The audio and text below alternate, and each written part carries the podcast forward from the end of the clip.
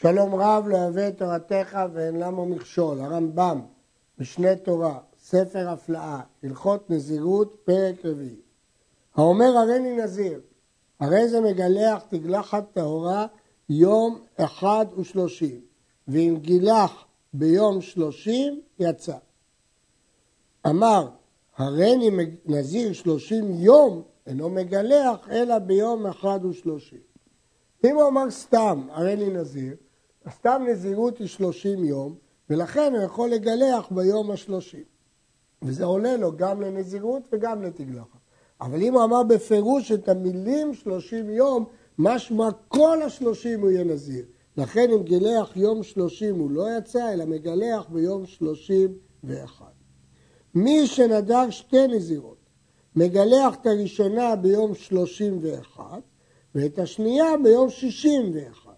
ואם גילח את הראשונה ביום שלושים, מגלח את השנייה ביום שישים. ואם גילח ביום תשעה וחמישים יצא, שיום שלושים עולה לו אף למניין נזירות שנייה. לכתחילה אנחנו רוצים שיהיה שלושים יום. לכן אם הוא גילח את הראשונה ביום שלושים ואחד, הוא מגלח את השנייה ביום שישים ואחד. אבל אם היא גילח ביום שלושים, מגלח את השנייה ביום שישים. ואם גילח ביום תשעה וחמישים יצא, כי את יום שלושים אפשר להחשיב לשני הימים. חלק הראשון לנזירות הראשונה, ואחרי הגילוח לנזירות השנייה. לכן בדיעבד אפשר להחשיב את זה ליומיים. האומר, הריני נזיר, ונזיר כשיהיה לי בן. והתחיל בנזירות שלו, ואחר כך נולד לו בן, משלים את שלו, ואחר כך מונה את של בנו. כיוון שהוא נזר שתי נזירויות, אחת נזירות שלו ואחת נזירות של שיוולד לו בן, אז הוא משלים את הנזירות שלו קודם, ואחר כך מונה את הנזירות של בן. אמר, הריני נזיר כשיהיה לי בן, והריני נזיר כך וכך יום, כאן ההפך. קודם הוא אמר, הריני נזיר כשיהיה לי בן, ואחר כך הוא קיבל עליו עוד נזירות, והתחיל בנזירות שלו. ואחר כך נולד לו בן, פוסק נזירות שלו, הוא אמר קודם כשיהיה לו בן, הוא מונה את של בנו, ואחר כך חוזר ומשלים את שלו. והרי שתיהן כנזירות אחת. לפיכך, אם נטמע בתוך נזירות של בנו, סותר הכל. למה? כיוון שהנזירות של בנו היא נזירות אחת עם הנזירות הקודמת לה. נטמע אחר נזירות בנו, שהתחיל להשלים נזירותו, אינו סותר לעד נזירות בנו. נסביר. הוא התחיל למנות את שלו, עשרים יום, פוסק, מונה את של בנו, גומר, חוזר להשלים את שלו. אם הוא נטמע בתוך ימי בנו, הוא סותר גם את הקודמת, כי הקודמת לא עומדת בפני עצמה, היא רק עשרים יום.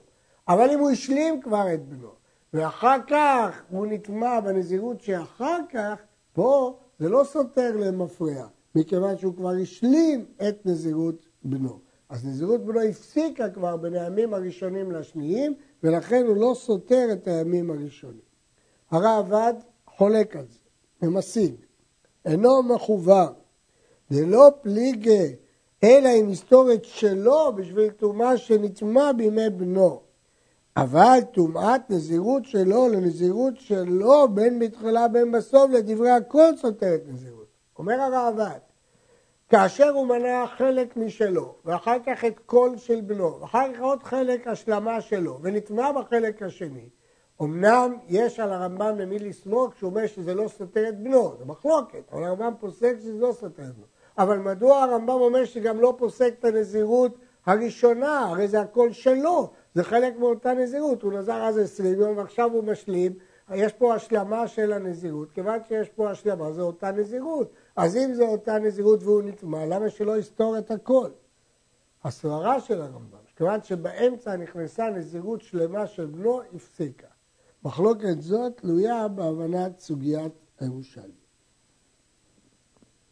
ובכמה ימים משלים את שלו? אם נשאר מנזירותו כשנולד הבן שלושים יום או יותר, מונה נזירות בנו, ומשלים הימים שנשארו מנזירותו. ואם נשאר מנזירותו פחות משלושים יום, מונה שלושים אחר נזירות בנו, שאין בין תגלחת לתגלחת פחות משלושים יום. נזירות ההשלמה חייבת להיות מינימום שלושים יום. אז אם הוא נדר שבעים יום, ובהתחלה הוא נזר ארבעים, עכשיו הוא ישלים שלושים, אבל אם הוא צריך להשלים רק עשרים, אין דבר כזה עשרים. אחרי תגלחת צריך להשלים שלושים. והרמב"ם מדגים. כיצד? האומר הריני נזיר כשיהיה לי בן, והריני נזיר מאה יום. התחיל בנזירות שלו ונולד לו בן. אם נשאר מן המאה שנדר שלושים יום או יותר שנולד לו הבן, לא הפסיק כלום. שהרי פוסק נזירות שלו, הוא מונה של בנו, הוא מגלח, הוא מביא קורבנותיו, הוא משלים השלושים או יותר שנשארו בנזירותו הראשונה, הוא מגלח לנזירותו. ואם נשאר מן המאה פחות משלושים, אז הוא יצטרך לספור שלושים, סותר עד שבעים. כלומר, הוא מפסיד חלק מהימים. למרות שהוא כבר נזר אותם, אי אפשר, יותר משבעים אי אפשר לאשר לו. מכיוון שבין כך הוא צריך עכשיו לספור שלושים יום. כיצד? נולד הבן ביום שמונים, מונה של בנו, הוא משלים את של בנו ומגלח, הוא מתחיל למנות מאחר תגלח עד שלושים יום. למרות שנשאר לו רק עשרים, נמצא מפסיד מקודם אבלד, עשרה ימים, שהם מיום שבעים עד אבלד, וכן כל כיוצא בזה. כך הרמב"ם מסביר את הגמרא, זה הסבר ברור ויפה, יש הסברים אחרים, אבל זה הסברו של הרמב"ם. האומר, הריני נזיר לאחר עשרים יום. וחזר ואמר, הריני נזיר מעתה מאה יום. מונה עשרים יום, ופוסק, הוא מתחיל למנות שלושים יום, שהיא הנזירות של הדר לאחר עזים. הרי בעצם הוא אמר, הריני נזיר מעתה מאה יום. מונה עשרים יום ופוסק. ואחר כך מתחיל למנות שלושים יום שהיא הנזירות של הדר לאחר העשרים. ואחר השלושים מגלח תגלחת טהרה. הוא מביא קורבנותיו וחוזר ומונה שמונים יום כדי להשלים המאה של הדר בסוף. הוא מגלח ומביא קורבנותיו. הוא בעצם אמר אם נזיר מעתה ועד מאה יום. מתחיל לנזור. אבל אחרי עשרים יום נכנסת הנזירות שהוא נזר בתחילה, הריני נזיר לאחר עשרים יום. אז מיד אחרי עשרים יום הוא פוסק, מונה את השלושים יום שהוא אמר שהוא נוזר אחרי העשרים יום, אחר כך הוא יכול להשלים את השמונים יום, אין בזה שום בעיה. אמר, הריני נזיר לאחר עשרים יום, והריני נזיר מעתה. הוא לא אמר מאה יום, הריני נזיר מעתה. מונה שלושים. הוא מגלח תגלחת טהרה, וחוזר ומונה שלושים אחרים, והיא הנזירות של הדר לאחר עשרים. למה? למה לא נאמר גם פה שימנה אמ, עשרים ויפסוק, ואז ימנה את השלושים? שאם תאמר מונה עשרים הוא פוסק, כמו שאמרנו בהלכה הקודמת, מונה שלושים ומגלח, נשאר מנזירות שהתחיל בעשרה ימים בלבד. בהלכה הקודמת הוא אמר מאה יום, אז יש לנו מספיק ימים אחרי העשרים. אבל פה זה 30 יום, אז אם הוא יספור 20, יישאר לו רק עשרה. אין מגלחת טהרה לתגלחת טהרה, לעולם, פחות מ-30 יום, וכאן יישארו מהנזירות רק עשרה ימים. לכן, כיוון שאנחנו יודעים את זה מראש, לכן אנחנו עושים אחרת. הוא מונה 30 ומגלח תגלחת טהרה, וחוזר ומונה 30 אחרים. לא עושים הפסקה, אם לא תועיל להפסקה הזאת שום דבר. אמר, הריני נזיר לאחר עשרים יום. וחזר ואמר, הריני נזיר עולם מעתה. לא חלה עליו נזירות שנדר בראשונה. הרי הוא אמר, הריני נזיר עולם מעתה. אז אין מקום, אין זמן שהנזירות הראשונה תוכל לחול. מה יקרה אחר עשרים יום? גם אם הוא יעשה הפסקה, מה, מה, מה שייך לעשות הפסקה? הוא נזיר עולם. וכן אם אמר הרי נזיר שמשון לאחר עשרים יום, חזר ואמר הריני נזיר מעתה, אינו מגלח לנזירות זאת שנדר באחרונה. מה פירוש? דין נזירות שמשון חלה עליו בינתיים, וכיוון שחלה עליו הוא אינו מגלח לעולם. אז אחרי עשרים יום חלה עליו נזירות שמשון. נזירות שמשון הוא לא יכול לגלח לעולם. משמע בכל אופן, שכאן הוא לא מגלח, אבל היא חלה הנזירות הזאת. ויש לשאול מדוע זה שונה מההלכה הקודמת שהנזירות של הדר בראשונה לא חלה בכלל. מסביר הצופנת פענח, שכאן היא חלה, כיוון שנזיר שמשון מותר לטמא, ונזיר רגיל אסור לטמא למתים. אז לכן ההשוואה בין זה, וחוץ מזה נזיר שמשון זה דברי קבלה, והנזיר הרגיל הוא דברי תורה, לכן כאן חלה הנזירות של התורה, רק הוא לא יכול לגלח, כי נכנסת לתוך זה נזירות שמשון. מי שאמר, הרי אני נזיר יום אחד לפני מיתתי, הרי זה אסור לשתות ביין ולהיטמא למתים ולגלח לעולם. כי כל יום אנחנו שואלים, אולי מחר הוא ימות, אולי בעוד חודש הוא ימות. יש מקשים. מדוע שיהיה אסור? הלא אין נזירות פחות משלושים יום, והוא נזר יום אחד לפני מיתתו, אז הוא לא יוכל למנות לפחות שלושים יום. אז יש באמת שאומרים שזה לא ממש נזירות, אלא אסור משום נדר, לא משום נזירות. ואפשר גם להסביר שכיוון שאין נזירות פחות משלושים יום, אז כשהוא אמר יום אחד לפני מיתתי, בעצם הוא אמר שלושים יום. האומר, הריני נזיר ביום שבן דוד בא בו.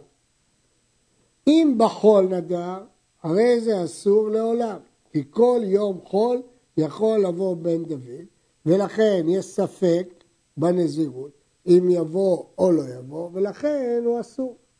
ואם בשבת או ביום טוב נדר, אותה שבת או אותו יום טוב מותר. יש ספק אם בן דוד יבוא בשבת ויום טוב או לא.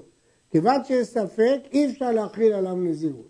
מכאן ואילך אסור לעולם.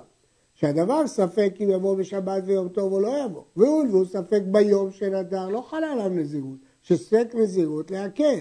מכאן ואילך, בימי החול, חלה עליו נזירות, כי בן דוד יכול לבוא. שבת הבאה שהיא ספק אינה מפקעת נזירות שחלה. כיוון שכבר חלה הנזירות, היא לא פוקעת בשבת הבאה, למרות שזה מספק.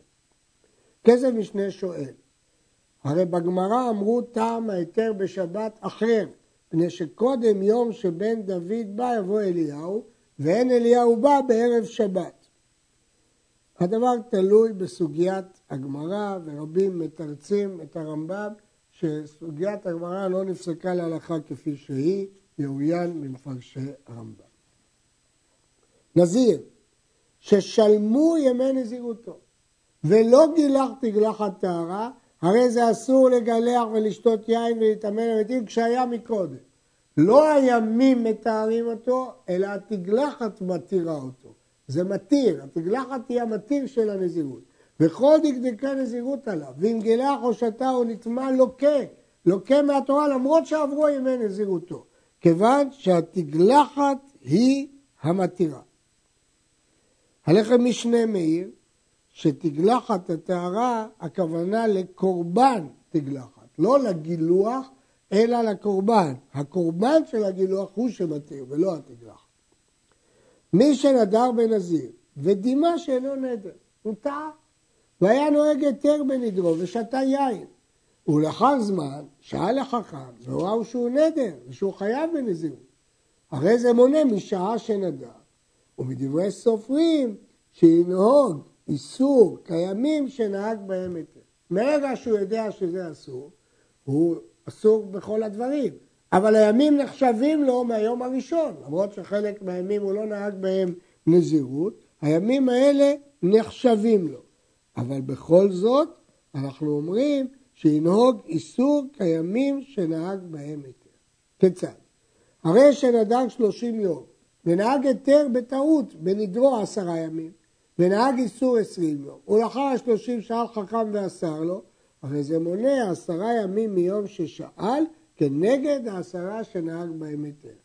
ואם שתה או גילח או נטמע בעשרת הימים האלו שאחרי השלושים, מכיר אותו מכת מרדות, כי בעצם זה לא ימי נזרו, זה רק השלמת הימים שהוא נהג בהם היתר, ולכן זה רק מדברי סופרים, חייב מכת מרדות. במה דברים אמורים? בנזירות מועטה. אבל בנזירות מרובה, דיו שינהוג שלושים יום בנזירות, אף על פי שעבר על נזירותו המרובה כל ימיה. אנחנו לא מחמירים כל כך, המקסימום שמחמירים עליו לקנוס אותו זה שלושים יום. ואם לא נהג איסור בעצמו, אדם כזה שהתיר את חלק מימי הנזירות, אין נזקקים לו כלל. אם הוא בא להישאר על נדרו, אין מתירים לו את נדרו כלל. אנחנו לא נזקקים להתיר לו את נדרו. למה? כי הוא לא נהג איסור. כל בית דין שנזקקים לזה, אם בא בית דין הדיוט ורוצה להיזקק לאיש הזה, להישאר עליו, ומודיעים לאלו שמזלזלים בנדרים, שאינם חייבים מהתורה, אומרים להם, הרי סוף סוף הנזירות שלך חלה, או שיראו להם להקל, או שיפתחו להם פתח, מנדים אותו בדין האדיוט. זה בדין אדיוט, וצריך לנדות אותו על זה שהוא נזקק לאיש הזה שלא נהג איסור בנדרו.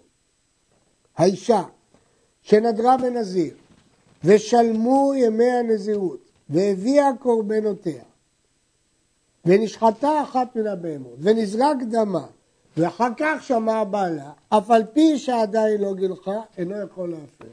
כי זריקת הדמים היא קובעת. וכיוון שזריקת הדמים היא קובעת, הוא כבר לא יכול להפר. במה, ואם קודם זריקה, הרי זה יפר. אם עוד לא נזרק דם, יכול להפר. במה דברים אמורים בתגלחת טהרה, אבל בתגלחת טומאה אם היא נטמעה ולכן היא מגלחת, יפר, אף על פי שקרבו הקורבנות של תגלחת טומאה, פני שעדיין צריכה למנות נזירות אחרת. ודאי שיש לו עניין להפר, מפני שהיא תצטרך למנות עכשיו עוד נזירות, לכן יש לו עניין להפר. מה שאין כן במקרה הראשון, שזה תגלחת טהרה, היא לא תצטרך למנות עוד נזירות. ואם תשאל הרי גם בתגלחת הטהרה היא תתנבל כי היא צריכה לגלח את ראשה, אינו מקפיד בתגלחת, פני שיכולה לעשות פאה נוכרית, ולכן שם הוא לא מקפיד והוא לא יכול להפר אחרי שנזרק אדם. עד